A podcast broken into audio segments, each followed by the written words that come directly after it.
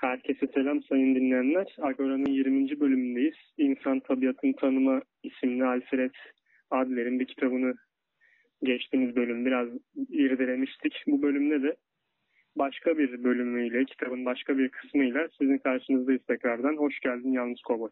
Hoş bulduk Douglas. Herkese selam arkadaşlar. Ben Yalnız Kovboy. Douglas Alfred Adler İnsan Tabiatını Tanıma kitabının son bölümünden bahsedeceğiz biraz. Kitabı yani tamamen okuma niyetimiz yok da sadece belli bir kısmını okuyup yani bizim ilgimizi çeken bir kısmını okuyup e, o kısmı Belki bir nebze insanları bu kitaba karşı evet, ilgili hale getirebiliriz. evet Douglas. Zaten niyetimiz yani şimdiye kadar çektiğimiz podcastlerdeki kitapları tamamını okumak yerine sadece alt başlıklarından yani ilgimizi çeken kısmını okuyup yorumlamak. Yani almak isteyen insanlara önermek maksadıyla çekiyoruz zaten. Tanıtmak gibi. Evet, tanıtmak gibi oluyor Douglas. Ee, istersen başlayayım bölüme. Duygular ve heyecanlar mı? Evet, duygular ve heyecanlar. Duygular ve heyecanlar daha önce karakter özellikleri olarak belirti, belirt, belirtmiş olduğumuz niteliklerin daha belirgin şekilleridir. Heyecanlar bilinçli ya da bilinçsiz bir zorunluluğun baskısı altında ani bir boşalma olarak ortaya çıkarlar. Karakter özellikleri gibi onların da belirli bir gayeleri ve yönleri vardır. Onları belli, belli bir süre içerisinde ortaya çıkan ruhsal hareketler olarak nitele, niteleyebiliriz. Duygular anlaşılması mümkün olmayan esrarlı olaylar değildirler. Belli bir yaşama biç, biçimine ve bireyin önceden belirlenmiş olan davranış kalıbına uygun gelen durumlarda ortaya çıkmaktadırlar. Gayeleri bu gibi durumları bireyin yararına olmak üzere değiştirmektir. Gayesine ulaşmak için daha önceden bir takım mekanizmalara başvurmuş olan ya da gayesine başka türlü ulaşamayacağına inanan bir insanda karşımıza çıkan çok daha belirgin ve şiddetli hareketler olarak görünmektedirler. Yine bir aşağılık ve yetersizlik duygusunun yükü altında ezilmiş olan ve bu yüzden bütün gücünü kuvvetini bir noktada toplamak gerektiğinden daha çok çaba göstermek ve daha şiddetli hareketlere başvurmak zorunda kalan bir insanla karşı karşıya bulunuyoruz. Bu gibi çabalar sayesinde ön plana geçebileceğini ve zafer kazanmış bir kimse olarak görünebileceğini sanmaktadır. Nasıl karşımızda bir düşman olmaksızın öfkelenemezsek, aynı şekilde öfke heyecanının da belli bir düşmana karşı zafer kazanma gibi bir amacı göz önünde bulundurmaksızın kavrayamayız. Bizim kültürümüzde bir insanın bu gibi şiddetli hareketlerle gayesine ulaşması hala mümkündür. Eğer böyle bir yöntemle kendimizi başkalarına kabul ettirmemiz mümkün olmasaydı öfke nöbetlerini daha az kapılmış olurduk. Gayelerine ulaşma yeteneklerine yeterince güvenemeyen kimseler bu güvensizlik duygularından ötürü gayelerinden vazgeçecek yerde daha büyük çabalar göstererek ve ikinci dereceden duygularının, duyguların ve heyecanların yardımına başvurarak gayelerine ulaşmaya çalışırlar. Böyle bir Şimdi burada araya gireceğim ama evet. biraz yukarıda şeyden bahsettin. İnsanların mutlaka bir düşman ol, düşman yaratması durumundan. Çünkü ancak o şekilde bir öfke amacına ulaşabilecek bir öfke olur değil mi? Evet abi. Şimdi burada mesela bunu devletler de yapıyor mesela. Bir düşman belirliyorlar. Bu düşman gerçek ya da değil. Ama orada bir düşman olmalı ki öfkeyi, halkın öfkesini oraya yöneltebilsinler. Mesela false flag diye bir şey var. Sahte bayrak. 11 Eylül saldırılarının false flag olduğuna inanan çok insan var. Yani bunu aslında yapan kişi o örgüt değil.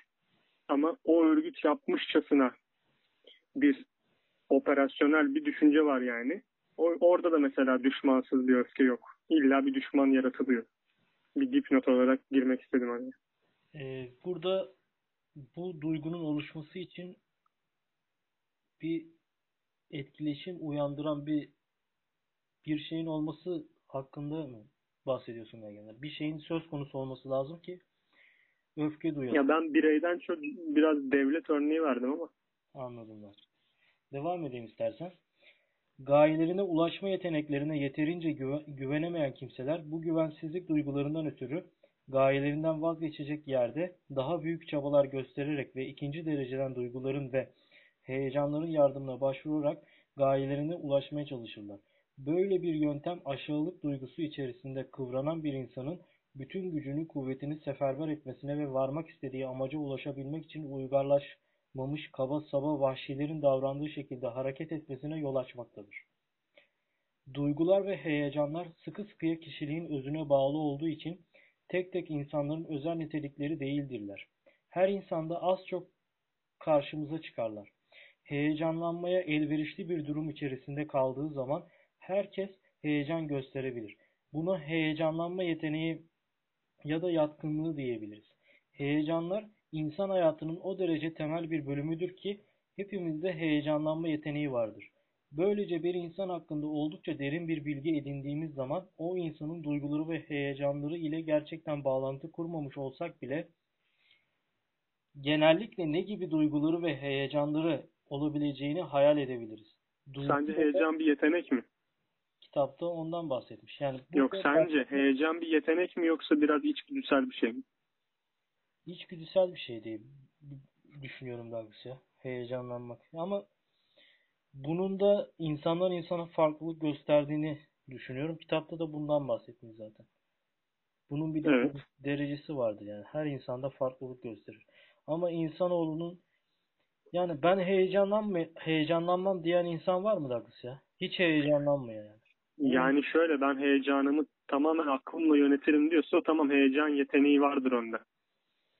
Aa, İstediği zaman heyecanlanıp istemediği zaman heyecanlanmıyorsa aynı olayda bazen heyecanlanıp bazen heyecanlanmıyorsa yani kendisi bunu yol yön verebiliyorsa bu kişide heyecan yeteneği vardır ama öteki durumda zaten heyecan biraz daha içgüdüsel bir şey zaten. Evet ben de katılıyorum Douglas ya. İçgüdüsel olduğunu düşünüyorum yani. Duygu ya da heyecan gibi benliğimize bu derece kök salmış bir olayın bedeni etkilemesi de tabidir.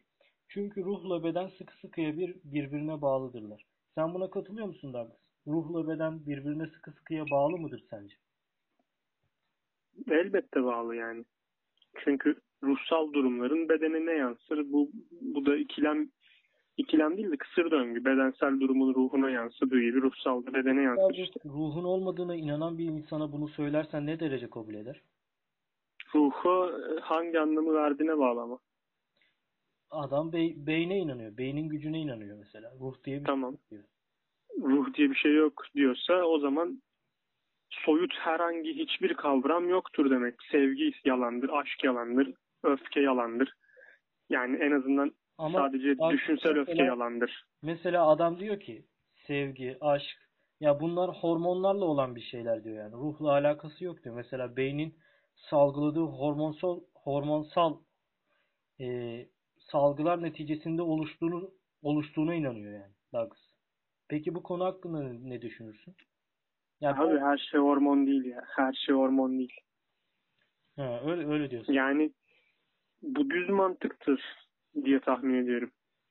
Aşk mı mantık evliliği mi? Hiç mi aşık olmayayım? Yani aş- aslında demek ki şey değil. Ha, bunu ben demiyorum. Yanlış anlaşılmasın. Sadece Ben de o adamı kastediyorum zaten. A- a- hani aşkı bile bu adam şeyle mi oluyordu? Pazardan elma alırken ölçtüğü kilogram gibi ulan şöyle bir ölçümleyeyim de öyle mi aşık oluyor yani?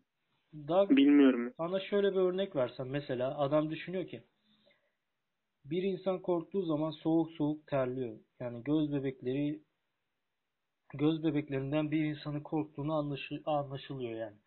Yani bu şey bu korku bedensel mi yoksa ruhsal mı? Ruhun bedene yansıması işte diyor ya ruhla beden ayrılamaz diye. İşte bu burada bu ortaya çıkıyor. Evet. Çünkü ruh ruhen bir şeyler hissediyorsun. Bu da ister istemez bedenine yansıyor. Belki senin istemediğin hareketleri yapıyorsun o an. Anladım Douglas. Yani ne kadar doğal bir podcast kanalı olduğumuz anlaşılmıştır yani. Ezan okunuyor Douglas. Yani bu konu hakkında Yani ne düşünüyorsun yani? Sokak satıcısı geçiyor önü, yani sesi geliyor. Sokakta çocuklar top oynuyor, bağırıyor. Podcast'imize yansıyor. Ezan okunuyor, podcast'imize yansıyor. bu böyle Bu böyle olsun zaten bence. Evet. Öteki türlü kanallar var. Onları takip etmek isteyen zaten eder. Evet. Çok profesyonel bir ses kaydı kaydı bekliyorlarsa efendim yalıtımlı bir ses kaydı bekliyorlarsa sağdan soldan bir ses duymamak istiyorlarsa mesela şöyle ben bardağımı alıp bıraktığımda fincanımı bu sesi duymak istemiyorlarsa buradan gidebilirler zaten. Gitmelidirlerdi zaten. Douglas bizim amacımız yani podcast'i çekmesek bile zaten bu sohbeti ikimiz aramızda yapıyoruz yani illa bazen şöyle konuştuğumuz da oluyor. Hani konuştuklarımızı podcast çekip atsak dinlenir diyoruz yani Douglas. Şimdi bu podcast kayıtları esnasında biz ben bunu biraz daha niye yapmak istiyorum? Ya dinleyici sanki bizim yanımızdaymış hissiyatı yaşasın. Evet. Zaten Anladın mı? Yani burada bir sohbet edasına gidiyorsak bu sohbette sanki kendisinden de bir pay bulsun. evet, doğal olmaya çalışıyoruz Douglas. İstesek yap- yaparız yani. Diğer kanallardan bir eksiğimiz yok yani Douglas. İstesek kurgunun Allah'ını yaparız yani. Sen bayağı bir yetenekli bir arkadaşımızsın. Elinden- Yapınca da pek bir şey değişmemişti. Bundan çok daha berbatı olmuştu hatta. Evet. Demek ki şu an bunu deney, deneyisimiz varmış ve bu deneyimde güzel gidiyor bilmiyorum. Ama ileride belki o tarz şeyler de gelir yani. Niye olmaz? Douglas ben bunu din- değerli dinleyicilerimize sormak istiyorum. Yani bu konu hakkında görüşlerini bize bildirsinler Douglas yorum olarak. Yani bu, bu podcast'i istiyorsa bu podcast atıldıktan 5 ay sonra dinlesin ama şu an buna cevap vermek isteyen herkes lütfen bize bildirsin. Evet, katılıyorum Douglas. Devam edeyim istersen. Ezan bitti. Tamam. Duyguların ve heyecanların ortaya çıkması ile birlikte giden fizik fizik olaylar kan damarları ile solunum aygıtında meydana gelen çeşitli değişikliklerle belirlenmişlerdir. Kızarma, sararma, nabız atışının artması ve solunum hızındaki değişiklikler gibi. Ben bundan bahsetmiştim Douglas farkındaysan. Yani Hı hı. bebeklerinin büyümesi, küçülmesi gibi yani korktuğu zaman terlemesi gibi. Ben bundan bahsetmiştim yani Douglas sana. Evet. Kitapta da bundan bahsetmiş. Devam edeyim istersen eğer yorumun yoksa. Devam edebilirsin. İnsanları birbirinden uzaklaştıran duygular. Öfke alt başlığı Douglas. Öfke güçlü olma ve başkalarına söz geçirme çabasının tipik bir örneğidir. Bu heyecan öfkeli bir insanın karşısına çıkan her türlü engeli zorla ve çarçabuk ortadan kaldırma gibi bir amacı olduğunu açık bir şekilde ortaya koymaktadır. Daha önceki araştırmalar bize öfkeli bir insanın olanca kuvvetiyle başkalarından üstün olmaya gayret eden bir kimse olduğunu göstermektedir. Kendini kabul ettirmek için gösterilen çaba bazen tam bir güçlü olma sarhoşluğunu sarhoşluğu şeklini alır. Bu durumda güçlülük duygularını şu ya da bu şekilde azaltabilecek en küçük bir uyarım, uyarıma öfke nöbetleriyle tepkide bulunan insanlarla karşılaşmaya hazır olmalıyız.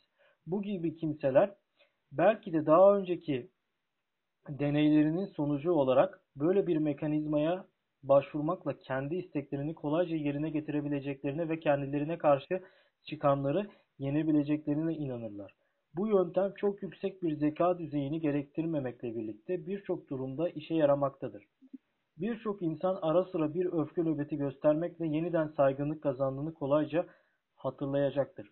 Öfkenin büyük ölçüde haklı olduğu durumlar vardır. Ama biz bu, bu biz burada bunların üzerinde durmayacağız.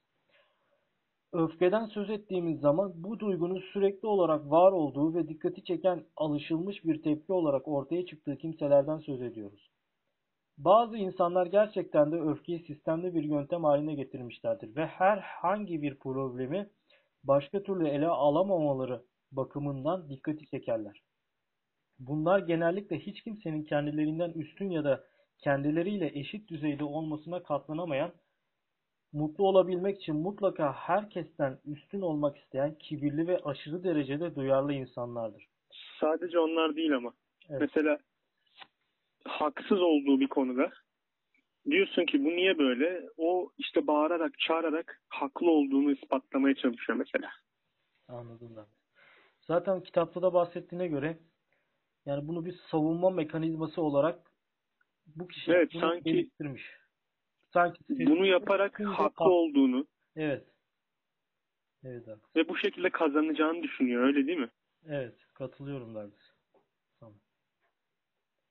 Kitapta da bundan bahsetmiş. Yani toplumda var böyle, hayatta da var böyle insanlar. Peki bu insanlara karşı nasıl davranmalıyız Douglas sence? Abi yani şöyle bir durum var. Her şeye bağırıp çağırdıkları için artık bir aşamadan sonra bezebiliyorsun. Bezince de ümidini kesmiş oluyorsun. Pek de bun- bunlarla bir daha sohbet edesin de gelmiyor açıkçası. Douglas Çünkü ne yaparsan yap hep bağıracak yani. karşılık verdiğin zaman da monolog oluyor. Monolog olduğu zaman da o kendi bildiğini okuyor, sen kendi bildiğini okuyorsun ve iletişim Ya- oluyor. Şöyle bir şey oluyor bir de. Atıyorum bağırıp çağırdı ya. Evet. Sen dedin ki niye bağırıyorsun? Daha çok bağırdı. Ni- Yani bunu yapmana gerek yok diyorsun ve bağırmaya tekrar devam ediyor. Artık sen bunu böyle gördün ya. Evet. Bir sonraki bağırışında artık bir şey demiyorsun. Hiçbir cevap vermiyorsun. Bu sefer diyor ki bağırarak tekrardan. Sen demek ki artık beni kale bile almıyorsun.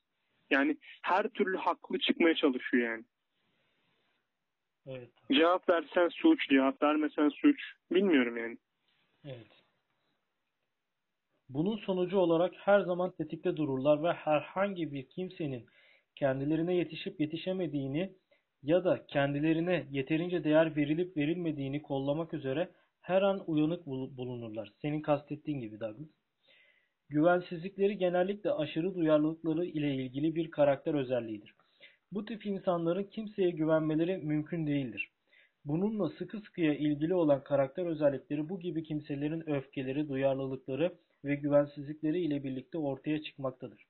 Daha aşırı durumlarda son derece haris olan böyle bir insanın her türlü cidden işten işten ürktüğünü ve böylece hiçbir zaman topluma ayak uyduramadığını görmek mümkündür.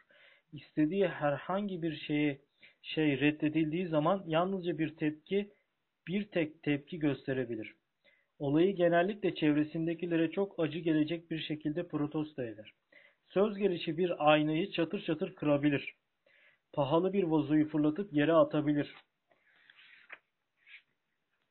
Bunun gibi hareketlerden sonra ne yaptığını bilmediğini özür olarak öne sürdüğü zaman insan onun sözlerine pek inanmaz. Çevresine zarar verme isteği apaçık, apaçık ortadadır. Çünkü hiçbir zaman öfkesini değersiz şeylerden çıkarmaya kalkmamaktadır. Tersine hep değerli bir şeyi kırıp dökmektedir. Hareketlerinde belli bir planın var olması gerekir. Böyle bir yöntem her ne kadar küçük çevrelerde başarılı olabilirse olabilirse de daha geniş çevrelerde etkisini yitirmektedir. Böylece öfkeyi alışkanlık haline getirmiş olan insanlar çok geçmeden karşılarına çıkan herkesle çatışır hale gelirler. Öfke duygusu ile birlikte giden dış tavırlar herkesçe o kadar iyi bilinmektedir ki çabucak öfkelenen bir insan hayal edebilmek için öfke kelimesini söylememiz yeter. Dünyaya karşı takınılmış olan düşmanca tavır öfkede açık ve seçik olarak ortaya çıkmaktadır. Öfke duygusu sosyal duygunun neredeyse büsbütün inkar edilmiş olmasını dile getirir. Güçlü olmak için gösterilen çaba o derece sert bir şekilde açığa vurulur ki insanlar bu durumda kendilerine karşı çıkan bir kimsenin ölümünü bile kolayca aklından geçirebilir. Gözlediğimiz çeşitli heyecanları ve duyguları çözümlemekle insan tabiatı hakkındaki bilgilerimizi, bilgimizi uygulamamız mümkün olmaktadır.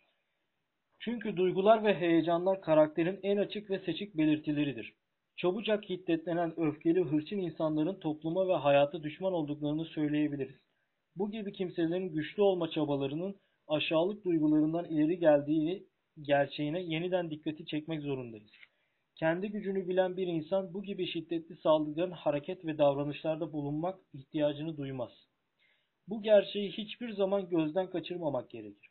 Öfke nöbetlerinde aşağılık ve üstünlük duygularının çeşitli derecelerini bütün kapsamlarıyla çok açık ve seçik bir şekilde görmek mümkündür. Bir insanın kendi değerini bir başkasının zararı pahasına yükseltmeye çalışması adi bir kurnazlıktan başka bir şey değildir. İçki, hiddet ve öfkenin ortaya çıkmasını kolaylaştıran en önemli etkenlerden biridir. Çok az bir içki içmek bile çoğu zaman böyle bir sonucu yaratabilir. İçkinin etkisiyle uygarlığın davranışlarımıza koymuş olduğu frenlerin zayıfladığını ya da büsbütün ortadan kalktığı çok iyi bilinir. Sarhoş bir insan sanki hiç uygarlaşmamış gibi bir kimse gibi hareket eder. Böylece kendi kendini denetleyemez hale gelir ve başkalarına duyduğu düşmanlığı gizleyebilmekte ve düş, düşmanlık eğilimlerini büyük çabalar pahasına frenleyebilmektedir. Ama bir kere sarhoş oldu mu gerçek karakteri ortaya çıkmaktadır. Hayata ayak uyduramamış kimselerin herkesten önce içkiye başvurmaları hiç de rastgele bir olay değildir. Bu gibi kimseler içkide bir avuntu ve kendini unutma imkanını bulurlar. Aynı zamanda içkiyi istemiş oldukları şeylere niçin ulaşamadıklarını açıklayabilecek bir bahane olarak kullanırlar. Öfke nöbetlerine çocuklarda yetişkinlerden daha çok rastlanır. Bazı önemsiz bir olay bile çocuğu öfke nöbetine götürebilir. Bu durum çocukların aşağılık duygusuna daha çok kapılmalarının sonucu olarak güçlü olma çabalarını daha belirli bir şekilde açığa vurmalarından ileri gelir. Öfkeli bir çocuk kendini başkalarına kabul ettirmeye çalışır. Karşısına çıkan her engeli aşılmaz değilse bile son derece güç bir engel olarak görür. Öfke, alışıla gelmiş bir hiddet gösterme tarzının ve küfür etmenin sınırlarını aştığı zaman öfkeli bir kişiye gerçekten zarar verebilir. Bu konuda intiharın ayırt edici niteliği ile ilgili bir noktaya dikkat çekmek istiyoruz. İntihar da yakınlarını ve dostlarını üzmek istediğinin yanında karşılaşmış olduğu bir başarısızlığın acısını kendinden çıkarmak gibi bir isteğin de var olduğunu görüyoruz Douglas. Sence in, intihar öfkeli bir kişinin yapabileceği bir şey mi yoksa aciz bir kişinin yapabileceği bir şey mi yoksa değişebilir mi yerine göre? Öfke kısmını bitirdik Douglas. İntihar bence çeşitlidir ya. Şimdi öfkeyle de yapabilir. Depresyondadır. Depresyonda da yapabilir. İlla öfkelenip de mi mesela intihar eder insan? Bence öfkele, öfkelenip intihar eden çok az insan vardır yani. Ya farklılık gösteriyordur. Yani burada bahsettiği, kitaptan bahsettiği şeylerden bir tanesi de içkinin bu dışa vurumu kolaylaştırdığından bahsediyor. Eğer bir insan öfkeli ise kendini yani içki sarhoş değilken kendini frenleyebiliyor ama bu insan sarhoş olduğu zaman yani, e belki de zaten alkolü onun için alıyor. Zivanadan Tek amaç o. İşte zıvanadan çıkmak için alıyor belki de yani. Anladım. Bu, bunu bunu o an o şekilde daha iyi yansıtabileceğini düşünüyor belki de bilmiyorum. Bir de çocuklarda yetişkinlerden daha çok görüldüğünden bahsediyor Douglas. Yani çocuklar daha fazla öfkeli. İlk sapa gelmez sebeplere çünkü onlar çok takılabilirler. Biraz da ergen ergenler böyle değil mi Douglas ya? Daha fazla öfkeleniyorlar. Her şeye muhalefet oluyorlar mesela. O duygular içerisindeler yani. Yani her şeye muhalefet edebiliyor doğru. Mesela sinirlendiği zaman, bağırdığı zaman sanki onu elde edebileceğini veya başarabileceğini zannediyorlar. Yani ses ne kadar bir de bu da ama şimdi ebeveyni de bağırdığı için sussun diye istediği şeyi yapıyor. E, bu da hayatın geri kalan kısmında da aynı şeyi yapabileceğini düşündürüyor ona. Öfke nöbeti geçiren birine biriyle karşılaştı mı Douglas hayatında? Abi yani çeşitli türleri vardı. Muhtemelen karşılaştım ya. Yani dişlerini kıran var Douglas. Yani dişlerini kıran var. Kendine zarar veren var. Kolunu bacağını kıran var. Kafasını bir yerlere çarpan var. Bunlar hayatın gerçekleri Douglas. Kendini jiletliyor. Evet. Bunlar var Douglas ya. Ama bu, bu da bence bir ruhsal bir problem. Bunalım kriz. Psikolojik olarak bir kriz, bir problem olarak görüyorum Douglas. Öfkeli, öfke nöbeti geçiren biriyle karşılaştığınız zaman sakinliğinizi koruyun. Ona yardımcı olmaya çalışın Douglas. Daha çok yani adam sana küfür etmeye başladı mesela. Öfke nöbeti. E sen de aynı şekilde karşılık verirsen hiçbir şey bir arda boyu yol alamazsın. Evet. Hatta bu kötü sonuçlara yol açabilir Douglas. Yani adam sana zarar verebilir. Ben öyle düşünüyorum Douglas. Biraz yapıcı olmak lazım. Hatta su verip sakinleştirmek lazım. Başka şeylere de sinirlenebilir yani. Mesela adam trafikte bir olay olur. Ne bileyim. Trafikte arabasını- çok ufak bir şey bile olsa zaten sinirlenebiliyor insanlar. Evet, cinayetler artıyor Douglas ya trafikte. Bu tarz olaylar, olaylardan dolayı oluyor zaten. Yani Douglas sence nasıl davranmalıyız yani? Öfke nöbeti geçiriyor. Mesela sen trafiktesin. Yanlışlıkla sen bisiklet kullanan bir insansın. Yanlışlıkla bisikletinin freni tutmadı ve adamın tamponuna vurdun ve tamponunda ufak bir çizik oldu. Adam sinir nöbetleri geçirmeye başladı Douglas. Sana bağırıp çağırmaya başladı. Ama adamın gerçekten nöbet geçirdiğini anladın yani. Normal bir kişilik olduğunu olmadığını fark ettin. Yani nasıl davran? Abi normal bir kişilikte de aşırı reaksiyon da mantıklı gelmiyor ki yine. Yani farz et ki yani olabilecek bir şey yani Dax. Allah korusun da yani böyle bir insanla karşılaştığın zaman nasıl hareket edersin?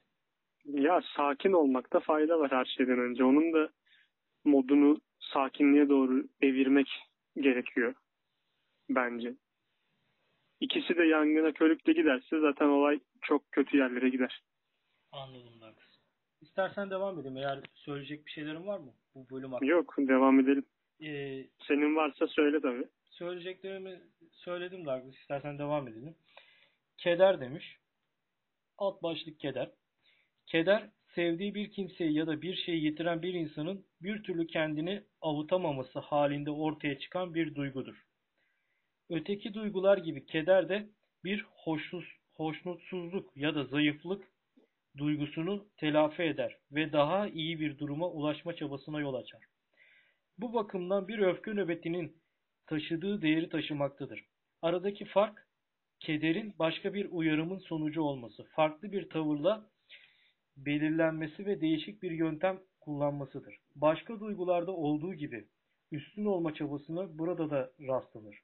Şu var ki öfkeli bir insan kendi değerini yükseltmeye, kendisine karşı çıkan insanın değerini ise küçültmeye çalışmaktadır. Ve öfkesi kendisine karşı koyan kimseye yönelmiştir.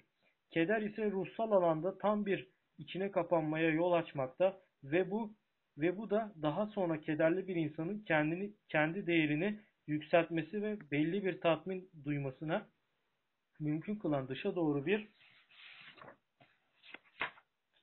açılmanın ön şartını oluşturmaktadır. Şu var ki öfkedekinden farklı olmakla birlikte bu tatmin yine de bir çeşit boşalma ve çevreye doğru yönelmiş bir hareket olarak görünür. Kederli bir insan durmadan şikayet eder ve bu yüzden başka insanlarla çatışır. İnsan tabiatında keder ne kadar tabii bir şey olursa olsun bunun aşırı bir hal alması topluma karşı takınılan düşmanca bir tav- tavrı dile getirmektedir. Çevresinde bulunan kimselerin davranışlarının sonucu olarak kederli insanların yüksek bir duruma ulaşması mümkün olabilir. Başka insanları, insanların onlara yardım etmeye hazır olmaları ve yakınlık göstermeleri, onlara destek olmaları ve cesaret vermeleri, onların rahatı ile gerçekten ilgilenmeleri ve bu gibi davranışlarda bulunmaları yüzünden kederli insanların ne derece elverişli bir duruma geldiklerini hepimiz biliriz. Ruhsal boşalma gözyaşlarının ve derin bir ruhsal acının sonucu olarak ortaya çıktığı zaman kederli kimsenin hayatta olup bitenler karşısında bir yargıç, bir eleştirici ya da bir şikayetçi tavrını takınmakla birlikte takı, e, takınmakla kendini çevresinden üstün bir hale getirdiği apaçıktır. Ağlayıp sızlanarak çevresinden istediği şeyleri çokluğu oranında ha- hak olarak iddia ettiği şeylerde artmaktadır. Keder, kederli bir insanın kendi yakınlarına yükleyebileceği zorunlu görevlerin su götürmez bir dayanağı halini almaktadır. Bu duygu, zayıflıktan kurtulup üstün olmak için gösterilen çabayı ve insanın kendi yerine korumak, kendi yerini korumak, güçsüzlük ve aşağılık duygularından kurtulmak için gösterdiği gayreti çok açık bir şekilde ortaya koymaktadır. Ne diyorsun abi? Yani şunu diyor. Kederin de fazlası öfke gibi zararlı. Bir de bir şarkı vardı mesela bazen neşe bazen keder. Hayat böyle geçip gider diye. Evet. Yani hepsinden biraz olmalı ama azı karar çoğu zarar diye de bir atasözü var. Evet.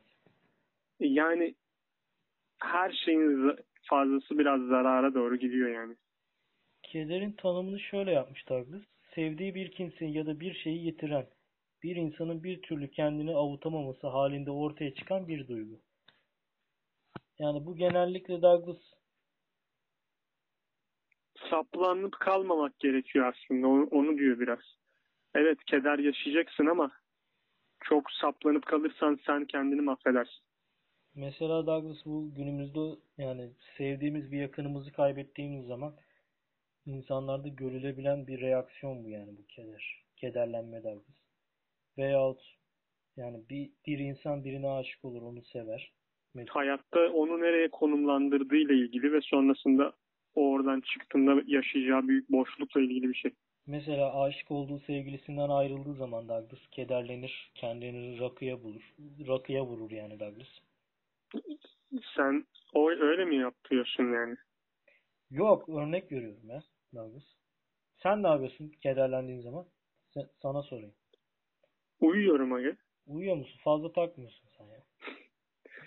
Yok ya yani takmak gerekiyor ama abartmadan. Öyle diyeyim şimdi çok da goy goya vurmadan söyleyeyim. Anladım Douglas. İstersen devam edeyim. Bir yorumun yoksa. Evet evet devam edelim.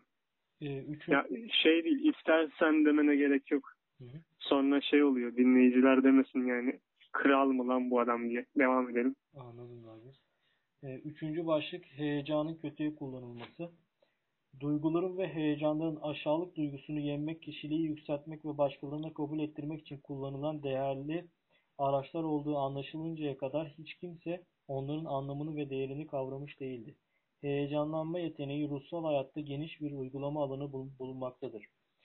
Bir çocuk bir kere ihmal edilmiş olma duygusundan ileri gelen bir öfke, keder ve ağlama nöbeti ile çevresine her dediğini yaptırabile, yaptırabileceğini öğrendi mi böyle bir yönteme tekrar tekrar başvuracaktır. Ya işte tam da bunu yukarıda söylemiştik ya.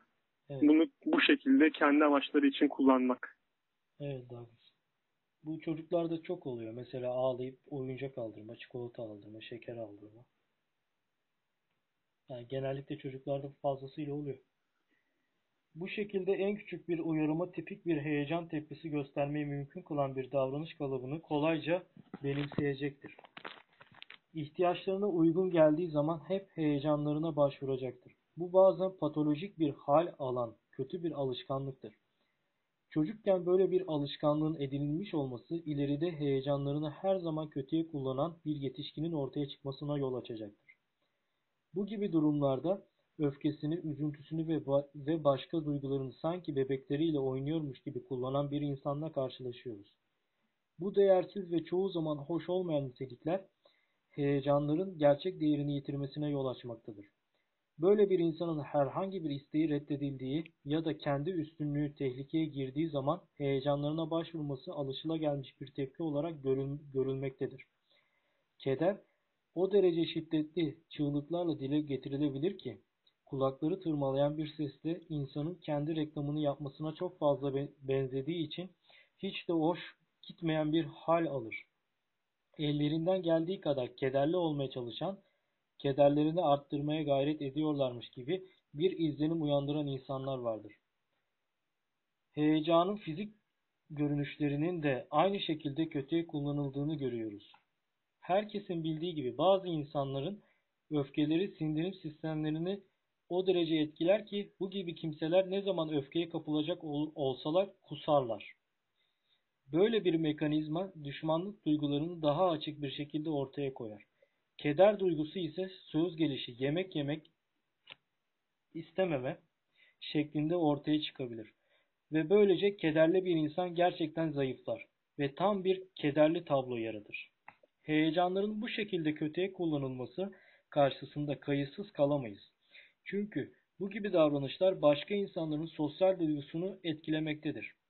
Bu şekilde hareket eden bir insanın çevresinde bulunan bir kimse ona karşı dostça davrandığı zaman yukarıda belirtmiş olduğumuz şiddetli duygular ortadan kalkmaktadır. Bununla birlikte bir başkasından o derece yakınlık görmek isteyen insanlar vardır ki üzgün bir tavır takınmaktan hiçbir zaman vazgeçmezler. Çünkü ancak bu tavırlarının sonucu olarak yakınlarının göstermiş olduğu dostluk ve sempati sayesinde kişilik duygularını oldukça kuvvetlendirebilirler. Bu gibi kimseler az çok yakınlık duymuş olsa bile öfke ve keder insanları birbirinden uzaklaştıran heyecanlardır. İnsanlar arasında gerçek bir birlik kurmaya elverişli değildirler. Gerçekte sosyal duyguyu zedelemeleri bakımından insanları birbirinden ayırmaktadırlar. Kederin önünde kederin önünde sonunda bir birlik yarattığı doğrudur. Ama bu birlik her iki tarafın katkıda bulunduğu bir, bir, bir birlik olmadığı için normal değildir. Sosyal duygunun bozulmasına bunun sonucu olarak da er geç iki tarafın taraftan birinin daha büyük bir katkıda bulunmak zorunda kalmasına yol açmaktadır. Diyorum ve bu bölümü bitiriyorum Douglas. Bu başlığı bitirdim. Ne diyorsun abi? Şimdi hani çocuklarda bir genelleme muhabbeti oldu. Evet. Kötüye kullanım falanla ilgili. Çoğunluğu aynı tepkileri gösterip aynı şey sonucu elde edince de aynı saçma e, hareketlere devam ediyorlar gibisinden bir durum var ya ortada. Evet. Şimdi ben geçtiğimiz bir podcast'te 4-5 yaşındaki bir çocuktan bahsetmiştim. Onu sana da söyleyeyim. Bu çocuk sanki büyümüş de küçülmüş gibi. Hani yaşıtlarının asla yaptıklarını yapmadı. En azından benim gördüğüm oydu. Bir pazarda görmüştüm. Oyuncak alıyor, almak istiyordu. Oyuncağa bakıyordu annesiyle. Annesiyle göz göze gelince çocuk dedi ki paramız yoksa almayabiliriz dedi. Yani 4-5 yaşındaki bir çocuktan beklenemeyecek bir olgunluk. Şimdi belki böylesi de zararlı ama mesela bütün çocuklar aynı değil onu demeye çalışıyorum. Aynen. Peki kederle eninde sonunda bir, bir birlik oluşturulacağından bahsetmiş kitapta. Her iki tarafta yani birlik oluşturuluyor ama kederin kötü tarafı da bu birlik yani bir tarafta daha ağır basıyor yani. Bu adam kederi kullanarak her istediğini yaptırıyor Douglas. Bu, bu konu hakkında ne düşünüyorsun? Abi kötü diyorum ya kötü. Çünkü bulmuş madeni bulmuş. Onun üstüne oynayıp duruyor hep. Bunun başka bir açıklaması yok. Mesela Douglas yani kendi acısını yani kendini acı, acıtarak yani Acındırıyor kendisini. Aslında bu da küçük düşürücü bir durum. kendini acındırarak bir şeyler yaptırıyor insan. Çok mantıklı gelmiyor bana ama O da acitasyon kullanıyorlar. galiba? Ajitasyon. Hı hı. Acitasyon aklıma gelmiş, şimdi geldi. Acitasyon yaparak yani o insanı manipüle ediyor Douglas. Bu konu hakkında ne düşünüyorsun? Hmm, Bence çok ağır ifadeler kullanırım da Ya kullan en azından Bir kötü diyeyim ya. özgün bir podcast Douglas. Ya Abi şimdi bildiğin bir tane hani bir kaleci düşün. Kaleci hep sağından gol yiyor ya. Evet. Hep yani hep sağına vuruyorlar. Bir kere soluna vurmuyorlar. Bu da öyle bir durum. Bulmuş bir tane maden. Hep oraya yöneliyor. Hep aynı şekilde yöneliyor. Başka hiçbir özgün ya da gerçek bir duygusu yok. Tamamen rol keserek kederleniyor ve bu kederinin sonrasında da istediklerini yaptırmaya çalışıyor. Bu haysiyetsizliktir bence. Evet, katılıyorum Douglas sana. Ee, diğer başlığın ismi tiksinme Douglas. Bu da ilginç bir başlık. Tiksinme duygusu Sizden tiksiniyorum. Çok cahilsiniz. Keşke ölsün sana. Çomarlar değil mi? Devam edelim. Tiksinme duygusu başka duygulardaki kadar belirgin olmamakla birlikte insanları birbirinden uzaklaştıran bir unsurla belirlenmiştir. Tiksinme fiziki yönden midenin iç yüzeyinin şu ya da bu gibi bir uyarımın etkisinde kalması halinde ortaya çıkmaktadır. Bununla birlikte kusma eğilimlerinin ve çabalarının ruhsal hayatla ilgili bir olay olması da mümkündür. Bu durumda tiksinme duygusunun insanları birbirinden uzaklaştıran bir etken olarak rol oynadığını görüyoruz. Daha sonraki olaylar bu kanımız, kanımızı kuvvetlendirmektedir.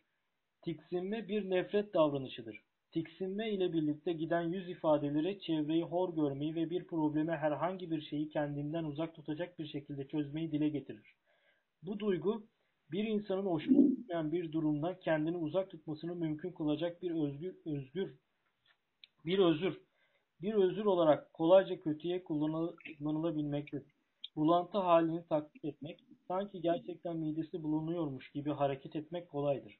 Bir kere insanın midesi bulandı mı, o anda içerisinde bulunduğu bir toplantıdan ister istemez kaçmak zorunda kalacaktır. Tiksinme suni olarak yaratılması en kolay olan duygulardan biridir. Her insan kolayca bir bulantı hali yaratmaya kendini alıştırabilir. Böylece gerçekte zararsız olan bir duygu topluma karşı güçlü bir silah ya da toplumdan kaçmak için şaş- şaşmaz bir bahane haline gelmektedir. Douglas tiksinme hakkında ne, ne düşünüyorsun? Ya birilerini hor görebileceğin gibi son cümleye kat- katılmamak elde değil zaten. Mesela sana bir, bir, bir toplantıda adam berbat bir toplantı. Sonra midesine bir şekilde ağrılar saplanıyor. Tiksinti iş duyuyor falan filan. Ama bunu tamamen kendi yarattı o an. O an çünkü orada bulunmak istemiyor ve bu onun bahanesi oluyor oradan çıkmak için. Peki Douglas sana şöyle bir örnek versem insan yani yani mesela adamın gazı var yanlışlıkla kaçırdı. Yani bunu bir, bir nebze kabul edebilirsin ama insan yanında osurup da gülüyorsun. Aa bak nasıl osurdum. Yani bu tiksinç değil mi sence? Bu insandan soğumaz mısın? Yani olabilir abi midesi bozuk. Peki bir dakika. Yanlışlıkla osurabilir abi. Ama bunu bilerek yaptığını farz edelim. Yani Bilerek yapıp o tarz gülü, gülüp de nasıl osurdun falan diyen herifler ya da herifeler. Hayır, böyle, böyle Yani- insanlar da var evet. Sence bunları hangi kefeye koymak gerekiyor? Yapılan saçma hareketler nereye girer, girer sence? Ama Douglas bak in- Ama bu onunla övünüyor, övünüyor. ha, insani olarak utandı mesela. Yanlışlıkla yaptı. Ben gerçekten o insanın rencide olmasını istemem. Şey değil mi? Utanan insanın üstüne. Ehe, osurdu. Ama diğeri osurur. ne güzel osurdum. Nerede? O onunla sanki bir üstünlük kompleksi tat, taslıyormuş gibidir. Çünkü bak ben ne güzel yaptım bunu falan diyerekten. Ama diğeri utanır. Çok ufacık kaçırır ve utanır ve onun üstüne 5 sene oynanır bu oyun sonrasında. Douglas ben buna da karşıyım ya. İnsan osurdu diye insanın üstüne gidilmez yani. Adam utanıyor sonuçta. Haksız mıyım Douglas? Sen osurdun İşte mu? zaten zaten olay şu. Olay şu. Utananın üstüne oynanır. Kibar olanın üstüne oynanır. Bazı konularda çok konuşmak istemeyen, aptal, sünepe insanlarla ağız dalışına girmek istemeyenlerin üstüne oynanır. Sanki güçsüzmüş gibi. Güçsüz Evet, olsa ne olacak? Asıl güçsüz olanın üstüne oynamaman lazım. Anlatabilir miyim Douglas ya? Hı? Cringe bir şey anlatabilir miyim? Anlat. Ya benim bir arkadaşımın spor hocası var. Sevdiğim bir insan normalde. Ama insan yanında tükürüyor, kusuyor Douglas. Yani bunu da rahat Kusuyor da. ha, geğiriyor, kusuyor falan. Ha, bunu da rahat rahat yapabiliyor yani insan yanında. Bir ara gittik bunun yanına Douglas. Bu lahmacun söylemiş galiba. Bu lahmacunun da eti bozukmuş galiba. Geçmiş yani. Günü geçmiş. Bozuk yani lahmacun. Bu lahmacunu yemiş abi. Hangi firma diyeceğim de boş ver. Büyük bir firma ise söyleme de iyi. Büyük bir firma değil. Soğanlı falan bile biliyor musun? Adam önünde kova var zaten. Tükürüyor, kusluyor falan insan yanında. Yani yanınızda bir kustu abi. Soğan kokusu falan genzime gitti yani. Anlatabildim mi? Korona hat götüre yani daha. Korona Neyse adam olsa yayılır yani. Potansiyel. Bu, bu ana kadar dinleyenler şu an bu hikayenin sonunu Ha. Ama bırakmasınlar. böyle insanlar da var. Sen ne düşünüyorsun abi? Yani Bir ses çıkarmaya çalışacağım. Bir dakika bekle. evet. Neyse olmadı boş ver. yani bir şey düşünmek istemiyorum ben bu insanları kafamdan silmeye çalışıyorum. Ben bunları düşünürsem kafayı yerim. Peki bu tiksinme kısmına katılıyorsun o zaman. Yani insanlar tiksindiği insanı silebiliyor mu? Abi yani bu ben, böyle birisiyle ne paylaşabilirim ki? Ama Zaten kendisi tiksinç bir insan. Yani şöyle tamam kendisi de tiksintiden dolayı bunları yapıyor olabilir ama kendisi zaten tiksinç bir insan. O yüzden onunla ne paylaşabilirsin ki? Anladım. Sağa sola tükürenler hakkında ne düşünüyorsun? Sokakta yürüyor adam. Ya Balgamıyla beraber öp diye tükürüyor. Değerli dinleyicilerimiz şimdi affedersiniz bunlardan bahsediyoruz ama podcast'imizin konu bu. Konusu bu yani. o zaman ne olacak Bilmiyorum. biliyor musun? Kusura bakmayın bahsediyoruz ama. O, o, o, o kişiyi alacaklar abi. O kişiyi alacaklar. Tutacaklar kolundan bacağından. Tükürdüğü yeri yalatacaklar abi. Bu kadar basit. Douglas yani Yani şimdi despotluk diyeceksin ve ben de zaten olmayacak bir şey söyledim gerçi ama yani bu yani benim düşüncem. Douglas O kadar geri zekalı insanlar. Ya Douglas. Mesela Hı? dondurma yedik. Çöp kovası aradık abi ama belediye çöp kovası koymamış. Deniz deniz kenarında dondurma yedik seninle beraber hatırlarsın.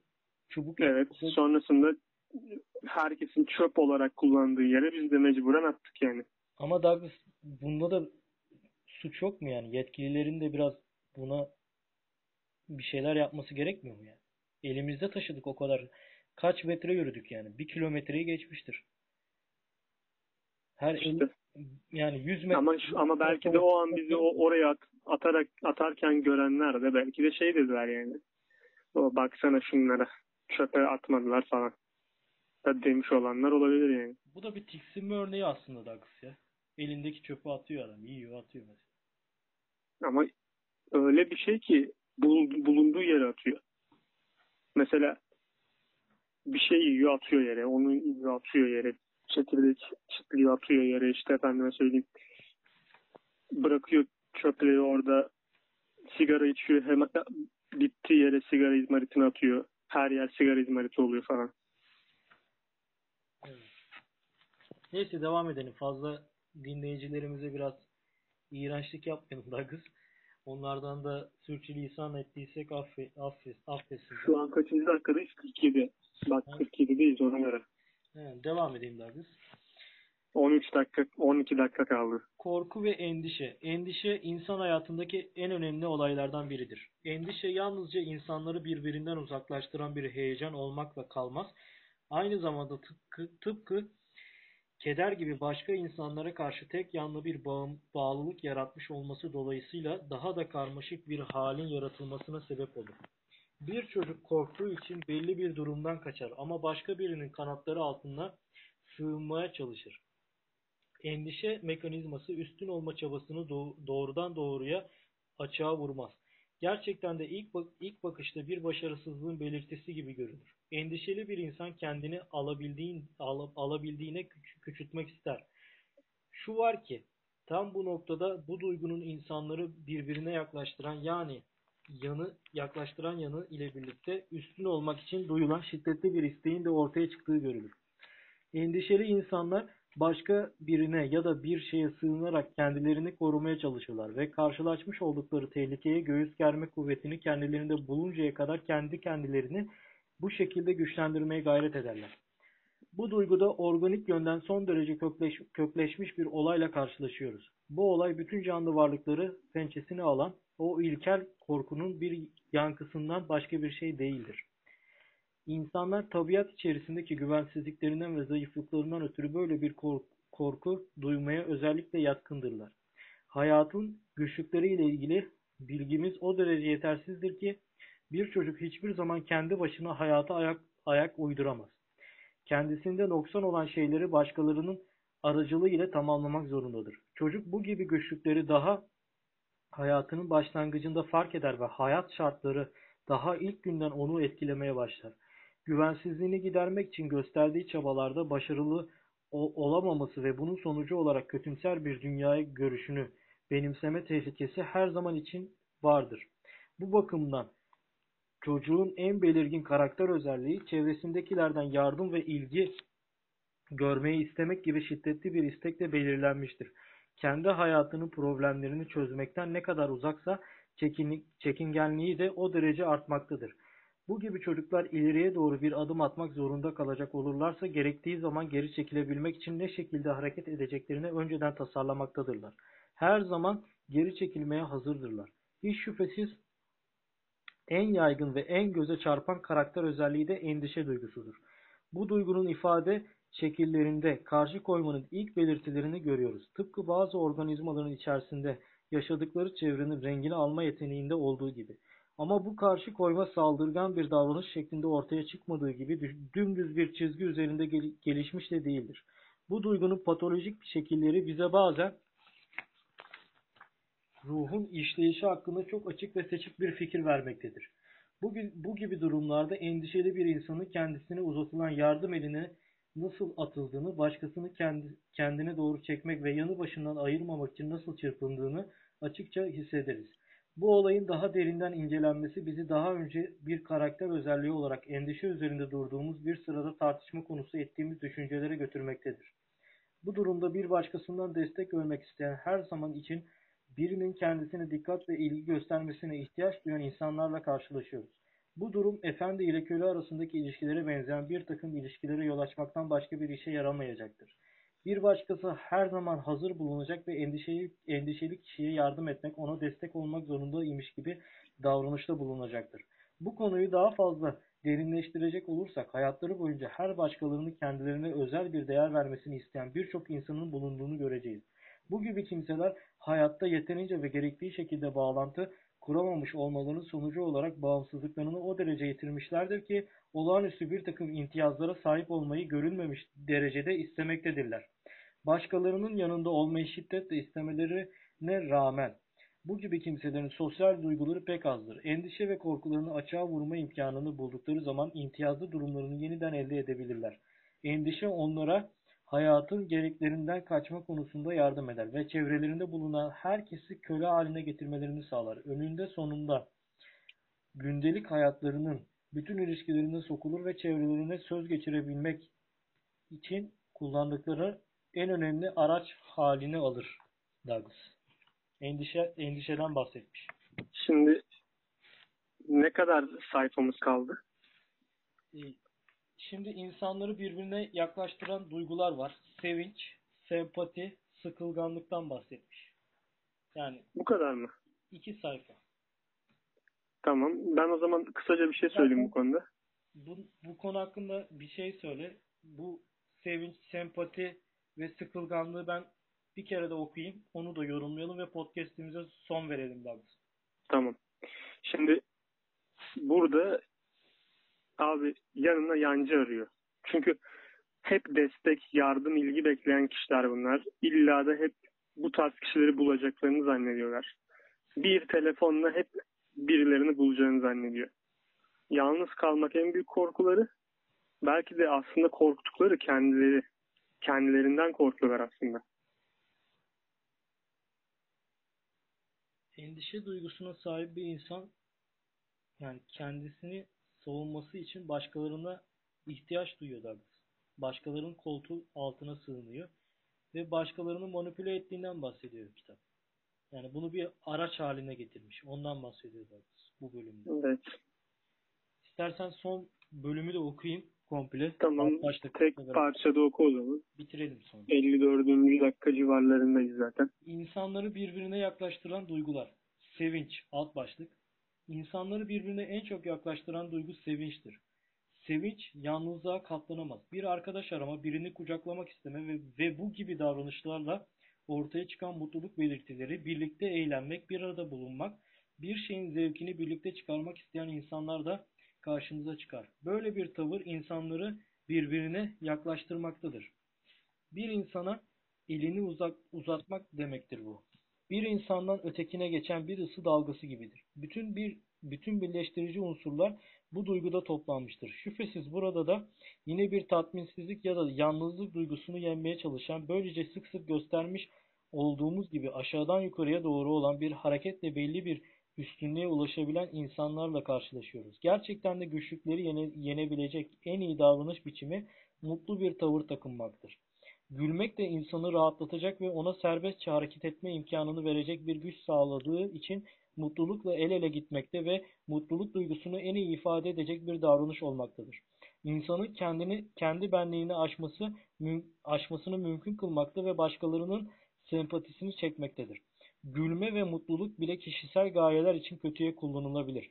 Böylece bir önemsizlik ve anlamsızlık duygusuna kendini kaptırmaktan korkan bir hasta müthiş bir deprem haberini sevinçle karşıla karşılamıştır. Üzgün olduğu zamanlarda kendini güçsüz hissetmektedir. Bunun için kederden kaçmakta ve bunun tam tersi olan bir duyguya, sevinceye, ulaş, sevince ulaşmaya çalışmaktadır. Mutluluğun kötüye kullanıldığı durumlardan biri de başkasının acısına sevinmektir. Gereksiz yerlerde ve zamanlarda ortaya çıkan sosyal duyguyu inkar eden ya da büsbütün ortadan kaldıran bir sevinç, insanları birbirinden uzaklaştıran bir duygudan ve başka bir insanlardan üstün olmak için kullanılan bir araçtan başka bir şey değildir. İkinci alt başlık sempati. Sosyal duygunun en saf, en katıksız ifadesi sempatidir. Herhangi bir insandan sempatinin var olduğunu gördüğümüz zaman onun genellikle sosyal duygusunun iyice gelişmiş olduğuna güvenebiliriz. Çünkü bu duygu bize bir insanın kendisini başka insanlarla ne derece birleştirebileceğini, ne derece kendini başkalarının yerine koyabildiğini değerlendirmek imkanını vermektedir. Sempati duygusunun basma kalıp bir şekilde kötüye kullanılması duygu, duygunun kendisinde kendisinden daha yaygındır. Bu ise insanın sanki sosyal duygusu çok kuvvetliymiş gibi bir poz takınmasından başka bir şey değildir. Sempatinin kötüye kullanılması bu duygunun abartılmasının abartılmasından kaynaklanmaktadır. Böylece gazetelerde adı çıksın diye acı adı çıksın diye ve acı çekenler acı çekenlere hiçbir gerçek yardımda bulunmadan kolayca üne kavuşmak için afet yerlerine koşan insanlar vardır. Bazı insanlarda bir başkasının felaketini seyretmekte şiddetli bir zevk duyarlar.